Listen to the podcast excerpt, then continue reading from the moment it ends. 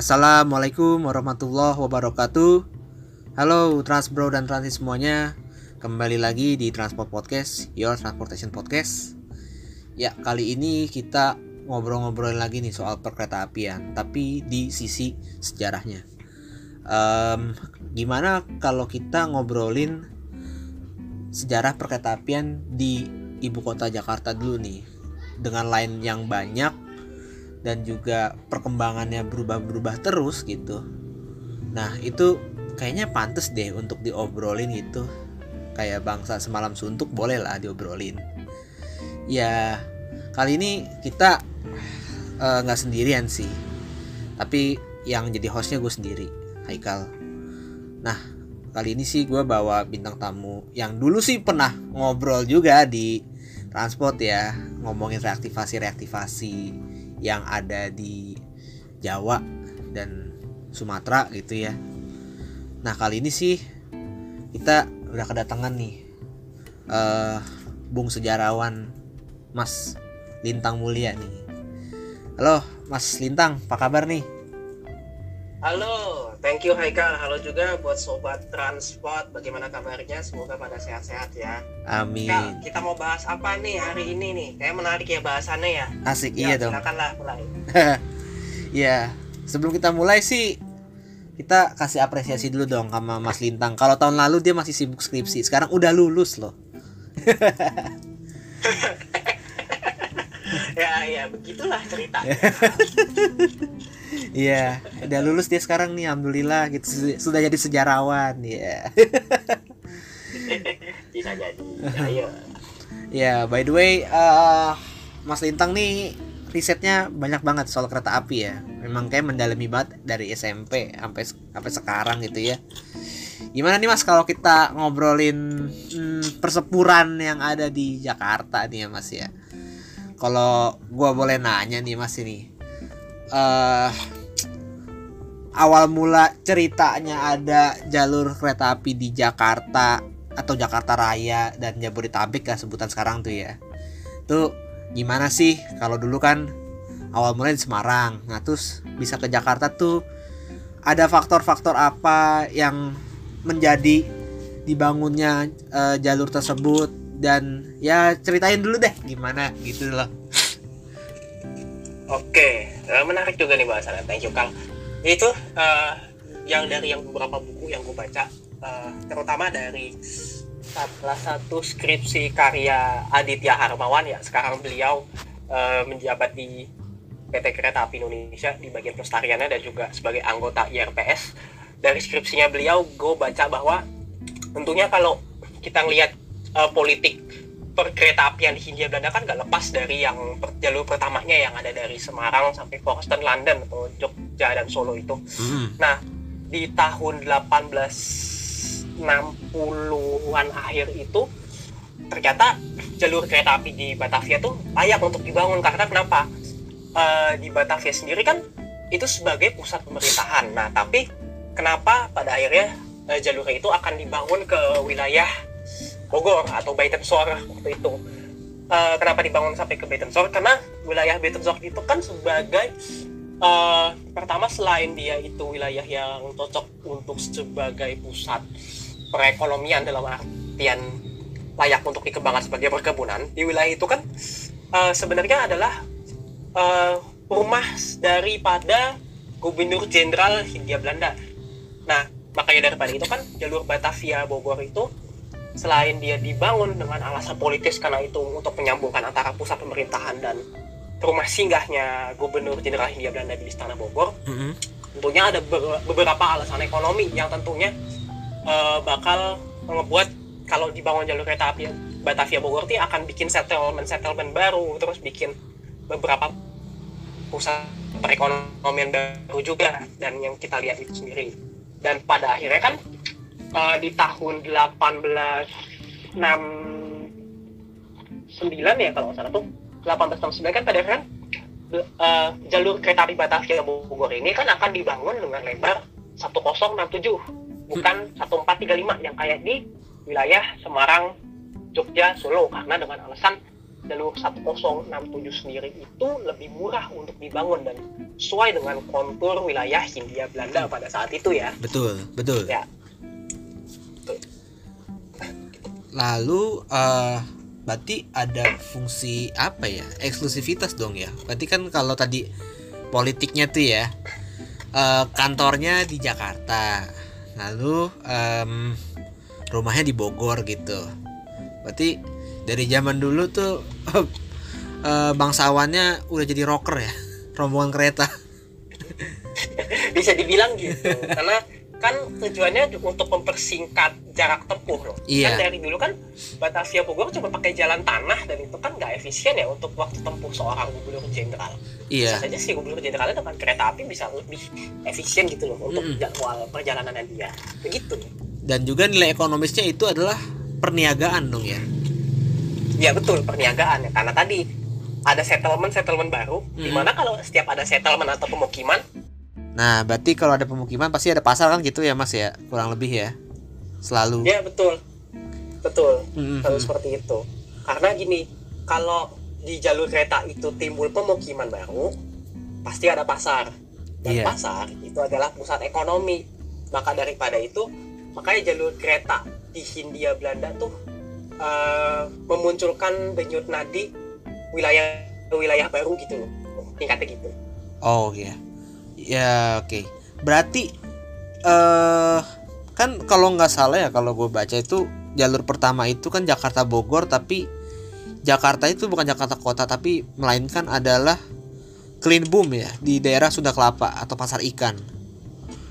Nah, itu eh, yang punya NIS Iya. juga kan? NIS juga kan waktu itu? NIS juga kan? iya Tapi- Mediterranean Support ta- Tapi 1067 gauge-nya gitu, bukan 1435. Iya Oh, oke oke. gauge-nya 16 1067 Ah, benar Hmm, karena gitu. tadi nih yang seperti gue bilang 1067 cocok untuk tanah Hindia Belanda yang konturnya bergunung dan kedua murah untuk dibangun murah untuk dibangun. gitu eh dan juga kan kalau tadi gue ngomong sebenarnya mau lanjutin niaga tadi ya. Niaga itu berarti kan juga kan ke arahnya pelabuhan nih, pelabuhan Sunda Kelapa saat itu. Di mana iya eh, eksplorasi untuk eh, pelabuhan Tanjung Priok tuh saat itu tahun 1869 atau 1870-an itu belum ada ya berarti ya. Untuk ah, itu belum ada. belum ada apa? Itu itu baru apa tuh? Eh, pembukaan lahan baru di Tanjung Priok ya? Belum ada ya berarti? Pelabuhan belum belum ada. Ah, ah. jadi gini ceritanya. Hmm. waktu tahun 1872 itu kan jalur yang dari Kleinbom sampai uh, Melkweg, Honings Plain sampai Bogor yang lewat Master Cornelis itu selesai di tahun 1872 Heeh. SS, eh bukan SS, maaf ya. NIS, ternyata mereka kehabisan dana mereka nggak bisa bangun jalur baru lagi. Karena kan itu ketika mereka bangun jalur Semarang, Boston, London biaya mereka udah habis duluan. Heeh. nggak bisa mereka limpahin buat pembangunan jalur Batavia Bogor. Maksudnya buat pengembangannya ya. Heeh. nah pada akhirnya kan di tahun 1874 itu kan SS mulai turun tangan.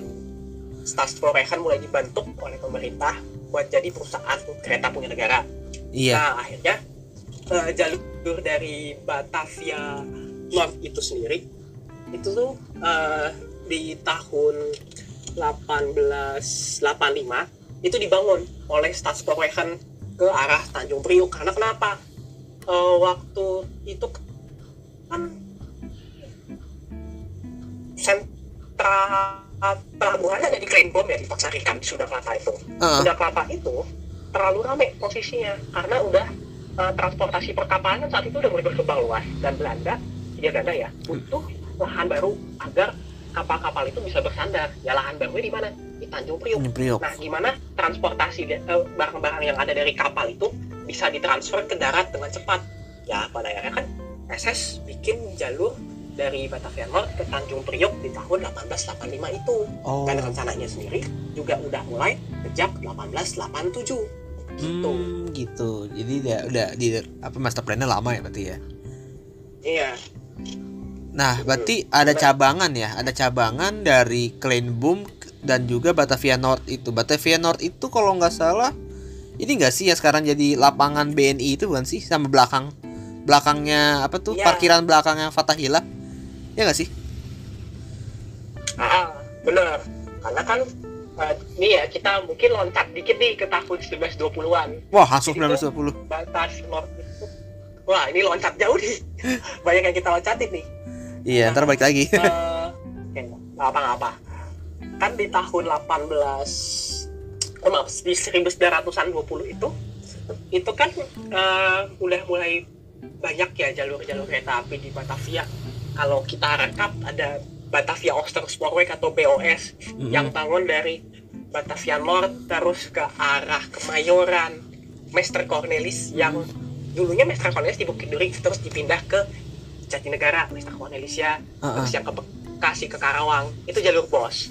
Nanti SS sudah ngebangun jalur dari Angke terus ke arah Tanah Abang, Duri, Duri Tangerang sampai ke arah Rangkas Bitung di tahun 1896. Mm-mm. Itu kan udah mulai banyak tuh jalur-jalurnya. Mm-mm. Nah, di tahun 1920 itu kan SS juga udah mulai banyak eh, udah mulai akuisisi beberapa jalur ya yang dari BOS juga. Mm-mm. Nah, itu kan eh, SS kan eh, mempertimbangkan bahwa dibutuhkannya eh, perluasan dari jalur Batavia North itu sendiri karena untuk menampung kereta api yang notabene sini maksudnya SS mau bikin jalur listrik loh dari arah Batavia sampai Bogor itu.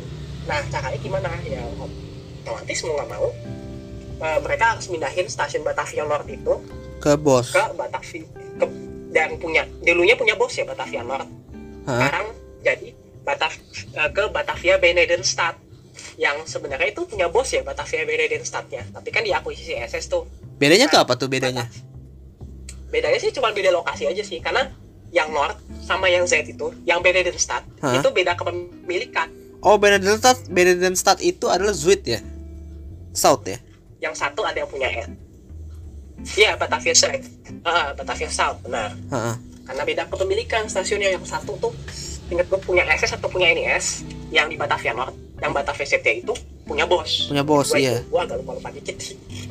Nah, oh nah itu nah akhirnya kan dipindahkan ke Batavia Z itu dari Batavia North nah akhirnya udah di tahun 20-an itu mulai juga elektrifikasi yang Mm-mm. dipegang sama ESS SS. Staatsbouwwerk itu itu anak usahanya SS ya eh, anak SS itu usahanya SS itu Oh, oke. Oh, begitu jadinya. Nah, eh ini, ini lucu sih kalau kita mengulik jalur-jalur eh di Jakarta nih kan banyak ya. Yang gua tahu doang tuh Hmm. dulu eh ternyata dari Tanah Abang itu tidak melewati Sudirman, Mampang, Manggarai gitu. Yang gua tahu tuh eh Bundaran HI itu dulunya adalah eh, jalur kereta itu ada ada melintasi jalur kereta dan sekarang tuh jadi parit itu ya got ya di jalan eh, apa sih namanya tuh di Menteng tuh sampai Cikini Mm-mm. nah terus lewat em, daerah depannya ini nih depannya GI dan Plaza Indonesia itu ada jalan tuh ya. Jalan tersebut dulunya itu bekas rel gitu sampai ke arah Tanah Abang. Ah, Nah, karena katanya itu ya, katanya eh, pemukiman New Hollandia atau Gondang dia yang gue inget itu itu, itu mulai berkembang. Akhirnya rel itu diturunin ke selatan ya, muncullah stasiun Dukuh atas atau namanya stasiun Sudirman sekarang, Mampang sampai ke Manggarai. Berarti dulu kalau bisa dibilang stasiun sentralnya Cikini dong, kalau misalnya itu masih ada. Iya, bisa dibilang seperti itu karena kan ini ya di tahun 1903 atau 04 tuh ini gue ngacu dari laporan perusahaannya Sporwehan Iya. itu tuh kan jalur Tanah Abang itu kan di- mau diarahin ke Salemba Mm-mm. yang dulu dibilangnya Straisweg. Apa Nah, tuh dari Stressway? Straisweg itu kan karena tadi yang Haikal bilang itu Ha. udah ada pengembangan wilayah di situ tuh Gondang dia, Menteng Iya. segala macam. Dan Ha-ha. akhirnya jalur Tanah Abang Straisweg itu Hmm. di tahun-tahun setelahnya kan mulai dibelokin ke arah yang Selatan. karet, ke atas dan pada akhirnya kan kalau kita lihat di videonya KIPLV itu yang video pembangunan stasiun Manggarai Heeh. itu sampingnya itu kan ada jalur kereta yang jalur tunggal itu sebenarnya dulunya jalur Tanah Abang Straisweg tapi yang udah dibelokin ke Tanah Abang Sudirman Manggarai itu Oh. ceritanya Itu. Berarti dulu eh banyak ini ya apa sih semacam switch over switch over gitu ini menarik juga untuk Iya. dibahas gitu ya kan gue tuh taunya gara-gara ada namanya public opium tuh di Heeh. Salemba UI kan sekarang jadinya public opium itu iya benar. Nah, terus itu sebenarnya ada cabangan ke public opium, tapi ada lurusan lagi ke arah rel yang rel ini, rel keramat gitu, keramat Sentiong. Heeh. Nah, Hmm. bentuknya kayak segitiga gitu, ada yang ke arah utara, ada yang ke arah selatan ke Jatinegara, ada yang ke utara ke arah Senen gitu. Dan juga eh gue menarik menarik lagi sih ya. Ternyata juga hmm, emang bener ya Bukit Duri itu dulu kan selain depo ya. Sebenarnya itu Hah? mau dilanjutin lurus ke arah Jatinegara ya, tapi karena nggak jadi, akhirnya dibikin jalur baru gitu karena perbedaan eh, rencana dari perusahaan. Ah, iya benar ada perbedaan rencana dari perusahaan kan dulu kan yang tadi gue bilang itu Bukit Duri itu kan Master Cornelis ya Iya. Yang Master Cornelis itu justru dia itu punyanya ada yang punya Master Cornelis ya NIS ada yang Master Cornelis Bos. punya bos nah Hmm. Master Cornelis yang punya bos itu kan diakuisisi sama SS dan pada saat itu SS juga udah hampir nguasain satu kota Jabodetabek itu rel keretanya mereka dan pada akhirnya kan dibikinlah tuh yang dari Manggarai Iya. itu kan ke halte Matraman Iya. Matraman kan pada akhirnya ntar belok ke arah Jatinegara Ah, ah. ke arah Master Cornelis itu itu Nah, itu berarti Matraman punya siapa? Punya NIS atau punya SS? SS ya, berarti. SS karena SS bikin jalur baru itu Bikin jalur yang baru. bisa nyambungin Heeh. Uh, uh, karena TSS adalah SS mau bikin jalur lingkar atau senturban. Senturbannya mulai dari mana? Jalur bekas yang mereka akuisisi dari bos, dari Uh-uh. Master Cornelis, Heeh. terus ke Gang Solan atau Gang Sentiong, Heeh. terus ke Pasar Senen. Heeh. Itu tuh Pasar Senen juga itu mereka bikin baru total Iya, tahun bener. 20-an. Iya. Dulunya itu apa ya? Pasar Senen itu agak belok yang sekarang di arah depan stasiun Senen tuh kan ada terminal ya. Nah, tuh jalannya dulu tuh dulunya katanya stasiun lama di situ tuh di jalan itu ya katanya. Katanya Iya. gitu. Yang masuk ke Gang Kembang Sepatu tuh, itu kan jalur lama. Nah, ya kembang sepatu itu. tuh. Oh, di situ ya Ah. bener ya, bener ya. Itu jalur namanya bos. Oke, punya terus dia bikin baru dibelokin. Jadi megah. baru sama nah kan itu buat peremajaan jalurnya juga Oke. nah terus ini gue kutip lagi yang tadi itu gue kutip dari bukunya Michel van Balaguyen de Jong bisa kalian baca di bukunya Spoorweg Station van Java Heeh. itu tuh dari wilayah Senen kan ke Kemayoran tuh Kemayoran. Freden SS bilangnya Walter Freden SS. iya Walter Freden SS karena kenapa Walter Freden yang dulu itu dulu punya NIS Walter Freden dulu di mana kan- stasiunnya? Yaitu Gambir Koningsplain Koningsplain. Oh, oke oke. Oh ya masih masuk. Walter Freden Oh ya Senen masih masuk ini ya batas batas kotanya Walter Freden ya. masih masuk Walter Freden dulu Kan ada ada apa tuh ada semacam apa sih eh, tembok ya temboknya itu ya parit atau tembok gitu. eh apa def defensi line Van den Bos ya kalau nggak salah ya. Defensi lain Pandebos, benar. Ha-ha. Ah, Lewat Senen Bungur gitu kan kalau nggak salah. Iya. Dan ya batas ba- udah batas Iya, banget ha. sih. Senen tuh udah batas banget sih bener-bener. Ah, Nah terus dari Ya, Senen Kamayoran Kampung Bandan muter gitu dong.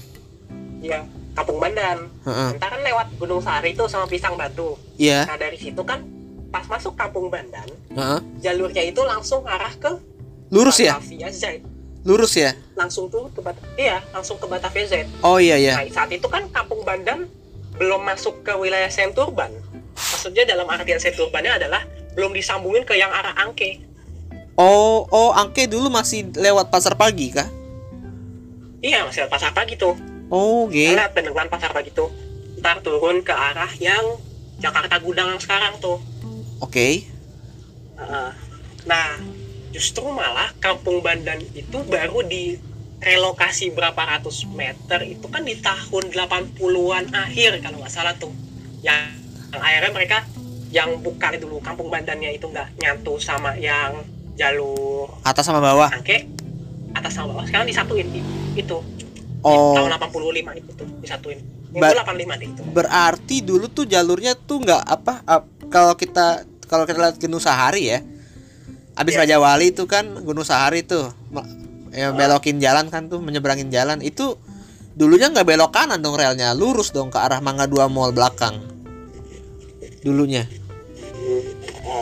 enggak tetap ya Tetap. kan dari percabangan Raja Wali Heeh. belok Belok. lewatin jembatan Heeh. ntar yang tembus belakang WTC Heeh. dari WTC tetap ntar lewatin jembatan yang Kampung Bandan Heeh. tapi stasiun Kampung Bandannya itu Blok. posisinya dia udah digeser pas di bawah jembatannya dulu Oh. bukan di bawah jembatan dulu mas- masih maju lagi Oh gitu maju lagi. gitu. Heeh. Karena nih kalau kita lihat di peta-peta zaman dulu Heeh. malah justru yang jalur angke Heeh.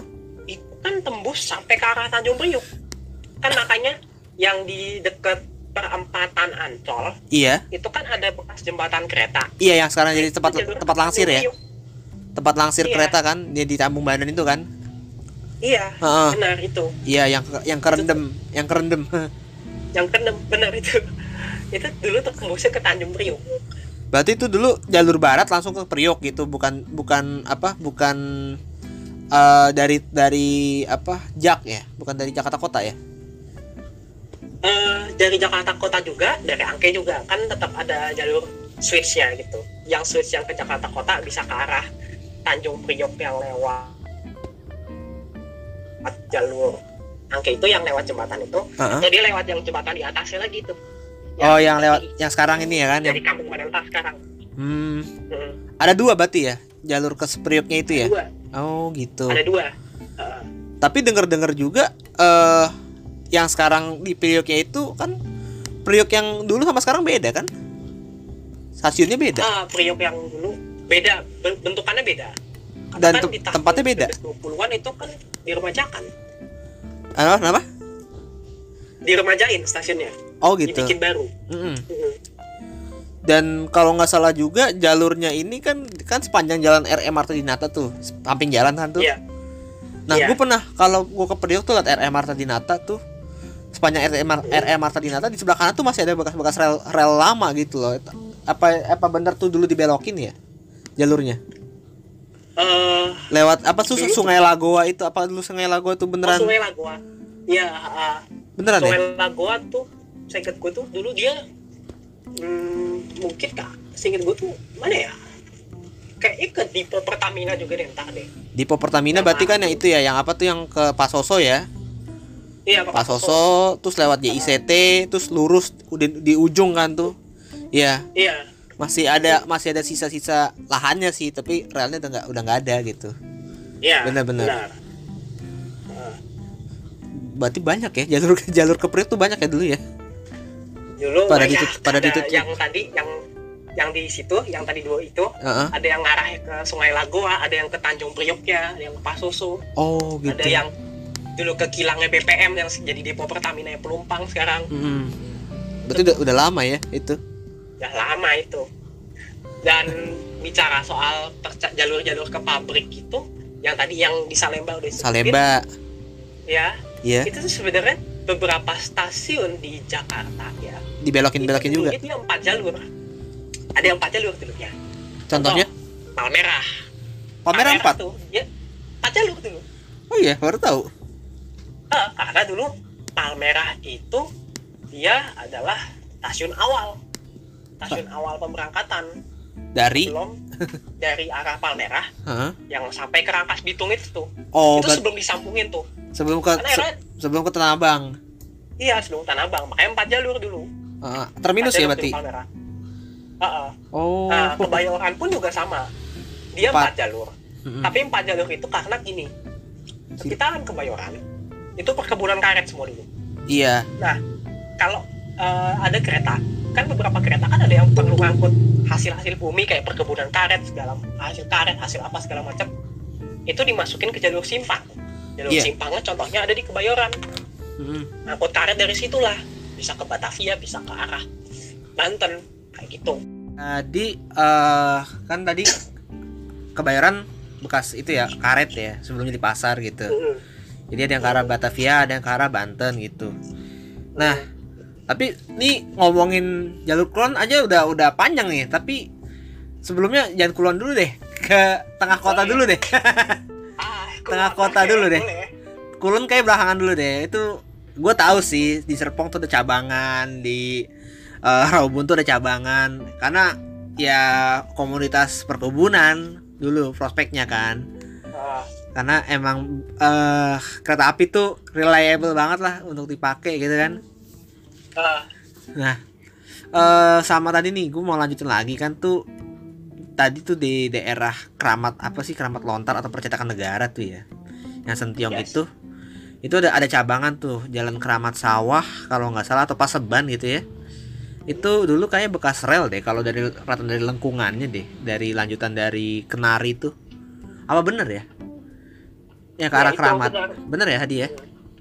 Hmm, benar itu emang jalur kereta juga itu dulu. Kan percabangan yang ke pabrik opium tadi yang dibilang. Mm-mm, sama mm-mm. yang ke percetakan negara.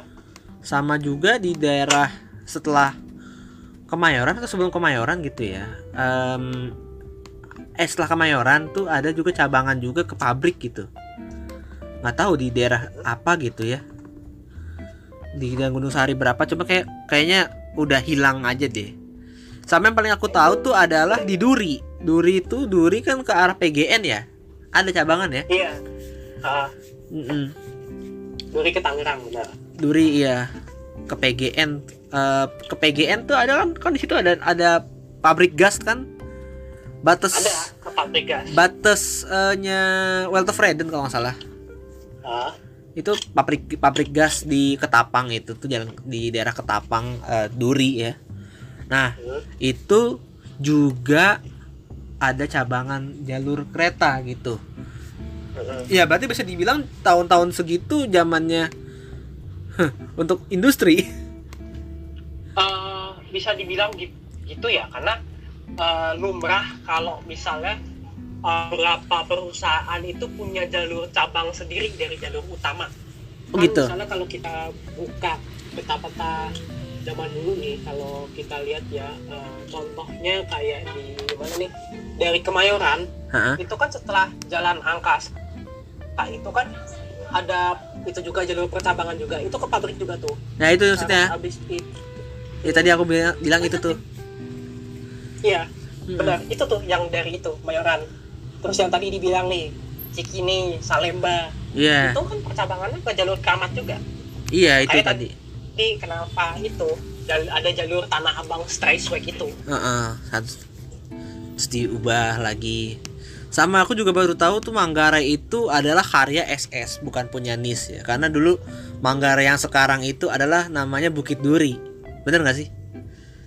Malahan yang Bukit Manggarai Durinya, yang sekarang itu bener bener ya? Bukit Duri dulu itu Bukit Duri kan dulu emang bilangnya stasiun ya Heeh. tapi kan akhirnya dijadiin dipo nah Iya. itu kan eh, sama SS jadiin dipo ntar dibikin balai SAE juga karena kan SS mau bikin lebar pokoknya di, di lebar itu stasiun Manggarai habis itu sama SS bener-bener diremajakan karena kan SS sudah punya banyak plan saat itu Heeh. Mereka udah plannya yang mulai dari elektrifikasi terus mereka mau memperbanyak layanan kereta apinya SS Mm-mm. maka daripada itu stasiun Manggarai kan diperluas pada akhirnya dibikinlah beberapa jalur simpannya itu nggak cuma Oh. jalur-jalur peron ya. Yes, yes. Ngerti udah mulai nih. sama tadi masih melanjutin ini sih, aku masih bingung sama yang Bekasi tuh ya. Yang kata Bekasi, Eh, Jatinegara, Senen, Kampung Bandan itu ngelup ngelup atau atau abis di kota berarti. Abis di kota doang ya itu dia awalnya habis di kota awalnya ya awalnya.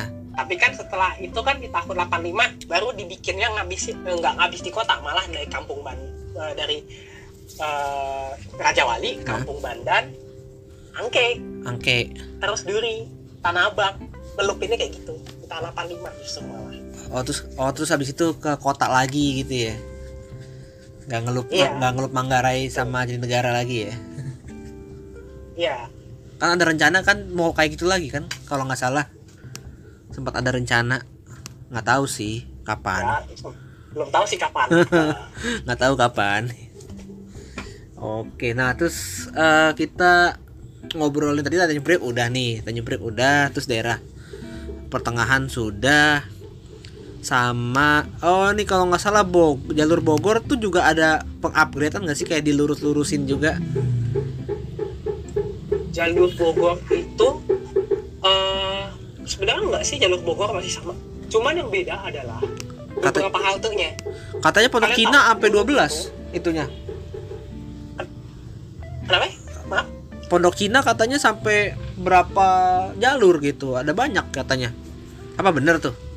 Ah, ah, ada yang bilang kayak gitu tapi ini kita harus cek dulu petanya nih biasanya Oh nah gitu. kalau yang gue tahu itu Mm-mm. dulu tuh halte-halte yang kayak Tebet, Iya. Cawang, Heeh. Pasar Minggu Baru itu nggak ada Iya, itu gini urutannya Manggarai pasar Minggu. terus habis itu Duren Kalibata dulu Oh, Duren Manggarai Duren udah ada. Duren Kalibata iya Duren emang bilangnya Duren dulu Stasiun Duren. Atau halte. iya Duren iya halte halte Duren Oke, oke. Terus terus. Manggarai Manggarai Manggarai. Duren Pasar Minggu Heeh. Lenteng Agung Lenteng Agung, Pondok Cina Pondok Cina, terus habis itu ada Depok. Pondok Terong tuh sebelum masuk Depok Oh, Pondok Terong. habis Depok harus iya Pondok Terong kan halte jatuhnya stoplats dia Oke, oke. Stoplats Pondok Terong Depok habis itu ntar ke Citayam Tayam. Bojonggede Cilebut udah Bogor Oke, berarti yang stasiun-stasiun barunya kayak UI, Universitas Pancasila, terus Depok baru, terus Depok udah ada kan Depok tadi? Depok udah ada. iya Depok lama itu bilangnya Depok lama yang nyambung sama Depok kan sekarang Depo yang itu, itu Depo baru sih jatuhnya. iya benar Ipo baru itu Nah, aku kira tuh di daerah Jalan Raya Pasar Minggu kan ada kayak melengkung-melengkung tuh kayak apa apa iya dulu ini jalannya melengkung apa dulu ini rel gitu loh. Relnya dilurusin gitu lengkungannya nggak diperbanyak gitu. Takut itu salah. emang originalnya SS kayak gitu. Udah Kenapa lurus. bisa dibilang SS Udah kayak lurus. gitu desainnya? Karena kan kita udah beli bisa lihat. Mm-mm. di sepanjang jalur dari Manggarai sampai Bogor gitu Hah? ada sisa-sisa eh, kayak semacam gardu kecilnya punya Elektrische Stadspoorwegen dulu. ESS iya Iya. Ada di situ gardunya SS kecil-kecil. Yang kita bisa lihat contohnya di Tebet, di Pasar Minggu, di Lenteng Agung. Itu Hmm. gardu-gardu kecilnya di situ contohnya. Nah itu nanti lah kita udah bahas jalur Bogor. Sekarang mungkin kita bahas jalur Bekasi nih. Nah tapi sebelum itu juga eh mungkin nih pendengar juga mau denger nih mas nih. Kayak jalurnya beroperasi eh, dibuat tahun berapa, terus selesai tahun berapa, yang buat siapa. Kan tadi kan kita cuman eh, ngeliat SS bangun jalur dari Rangkas Bitung sampai ke Angke. Angkenya angke ini ya, angke apa pasar pasar pagi ya. ASMK ASMK Iya. gitu. Berat. Nah, berarti kan eh itu punya SS. Nah, terus habis itu bos itu dari Batavia Zuid sampai ke Kerawang ya, apa Cikampek sih? Batavia Kerawang ya, Mas ya? Jadi tuh, iya benar. Itu pan itu. Nah, jadi itu katanya ya, kan kalau kita dari arah Jakarta mau ke Kerawang tuh kalau ada biasanya orang-orang Kerawang lihat ya, ada flyover tuh kan. Itu jalurnya agak belok ke kiri. Iya. Tapi ini jalannya tuh kalau gue lihat dari maps tuh ke arah ke kanan gitu, arah ke Kertabumi tuh ada jalan jalan namanya jalan jalan atau gang ya. Paledang Tengah namanya. Terus lurus, lah melengkungnya itu tuh kalau dari maps tuh kelihatannya kayak ini, Mas. Kayak Ah. bekas rel kereta gitu, sampai ketemu di jalan KH. Dewantara. Nah, itu kayak di situ stasiunnya dulu tuh. Karena di situ katanya tuh ada rumah, entah itu rumah dinas atau apa, Ah, berplang KAI gitu. Ah. Terus habis itu baru masuk lagi ke Ah. jalur main line yang ke arah Cikampek gitu. Nah, gue nggak tahu sih Kerawang ini Ah. Kerawang ini eh apa namanya dibangun tahun berapa gitu yang sekarang ini gitu. Yang bener ya? Oke. Ah. jadi gini. Ah, ah, kan Kerawang itu kan dulu ini gue ngacu dari skripsi senior gue ya, Mas Hari Ramanda. Dia bahas tentang jalur Batavia Karawang nih yang punya bos. Oke. Nah, dulu itu jalur Batavia Karawang kan dibangun tahun 1884 sampai 1898 ya, Mm-mm. sebelum diakuisisi sama SS. Oke. Nah, dulu tuh di tahun segitu tuh eh, jalur Batavia Karawang itu ya itu kan kalau dulu itu dari arah Kedung Gede dia kan ada tikungan besar ke kiri Iya. belok kiri itu dia lewatin samping kotanya Karawang kan Iya. karena ini stasiun di atasnya udah sampingnya lagi udah kotak semua tuh sama habis itu lewatin jalur besar jalan besar ntar be- belok baru belok kanan itu ikutin peta jalurnya bos yang zaman dulu nah Hmm. tapi SS kan plannya besar plan besar SS adalah saat itu mereka pengen punya kereta cepat dalam artian ini yang kayak misalnya Indonesia Express lalu ada Sugarfear Ha-ha. Nah, biar jalurnya itu bisa dilewatin kereta ekspres itu, SS kan punya step. Stepnya apa? Mereka harus lurusin jalurnya dulu. betul Dan makanya itu jalurnya Kerawang kan akhirnya dipindah. kasih yang, pindah yang tadi tempatnya Haikal bilang, Mm-mm. kan di jalur yang lurus, bukan yang dibelokkan itu. Mm-mm. Karena kan kalau udah belokan otomatis kereta cepat nggak akan bisa lewat situ. Dan itu juga itu plannya itu dia sejalan sama yang Karawang Cirebon Ha-ha. Sampai yang Cirebon Pupuk itu di tahun 1912-an. Karena kan dulu SS tuh dia itu sistem jalurnya itu ngebangunnya per paket. oh Ada yang paket Cikampek Purwakarta, terus yang Cikampek Karawang, ada yang paketnya Karawang Cikampek Cikampek Cirebon. gitu ya Paket itu SS. Oke begitu. Nah terus kita balik lagi eh, ke arah-arah Jakarta lagi ya. Eh gue pernah lihat itu kan tiketnya bos tuh ada stasiun-stasiunnya ya kayak sama sih kayak sekarang.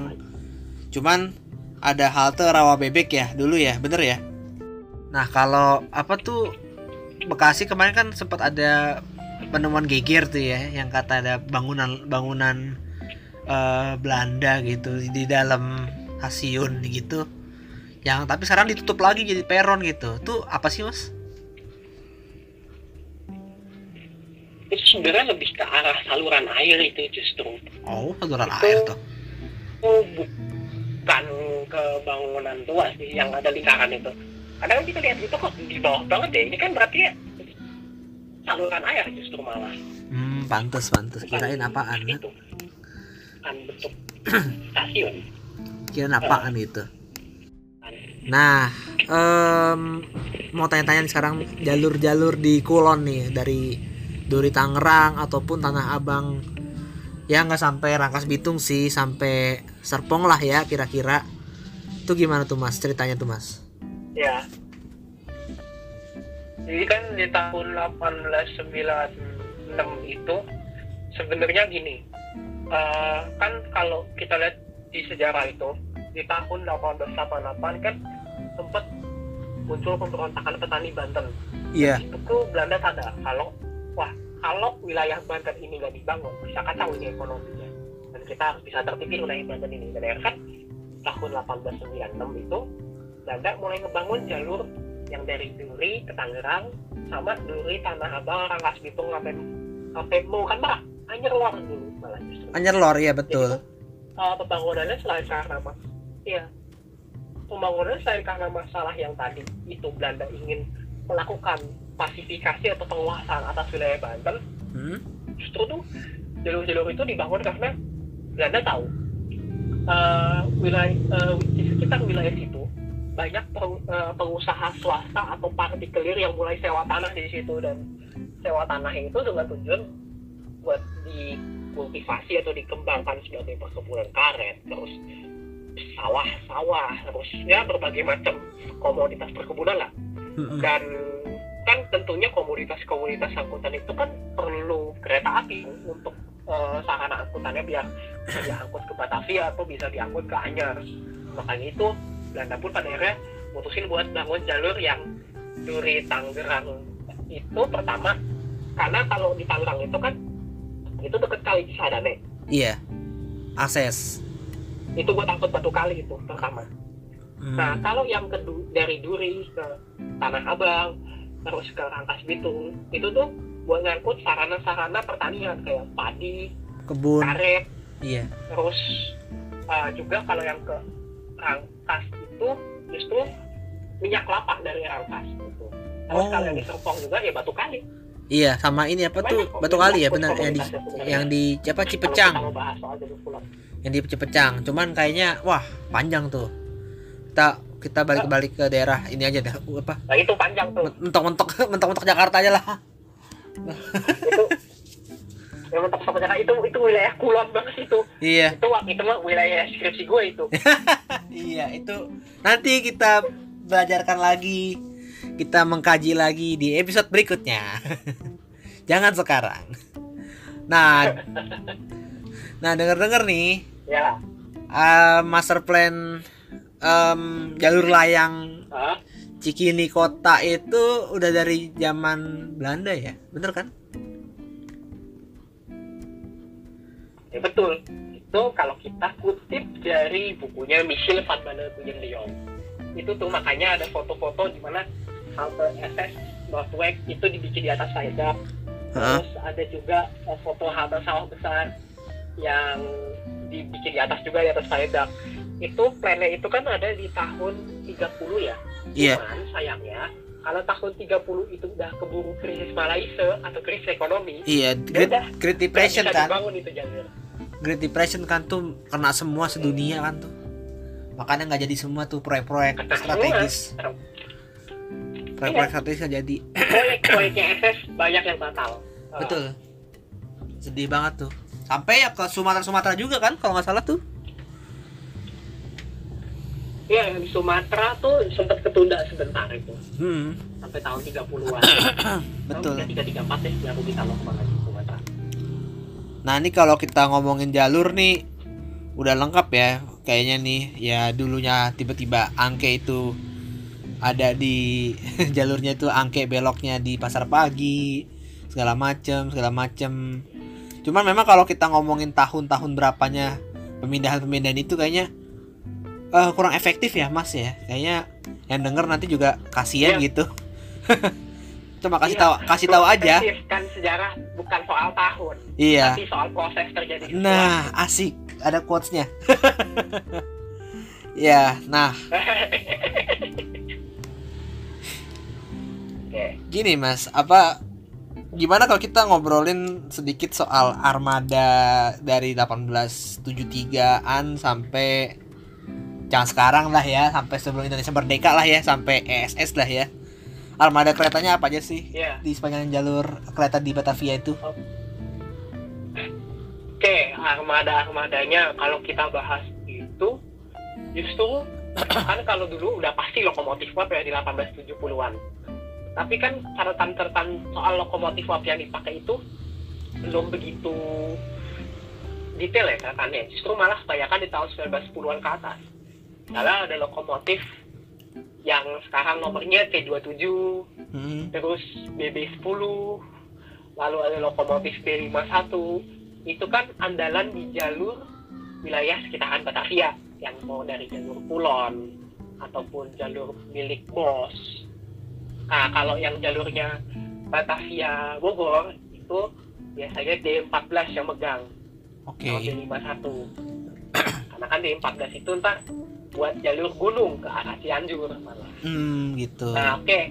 Step forward ke zaman elektrifikasi, itu lokomotif listrik udah ada. Kayak misalnya yang buatannya Heimaf atau itu dibilangnya bonbon sekarang tuh. Yes, yang Bonbon. SS 3201. Nah, Ada juga lokomotif-lokomotif kecil lainnya yang bikin buatannya Borsig atau beberapa lokomotif lainnya itu tuh seingat gue ada tiga atau empat tipe lokomotif listrik yang dipakai di jalurnya E- ESS.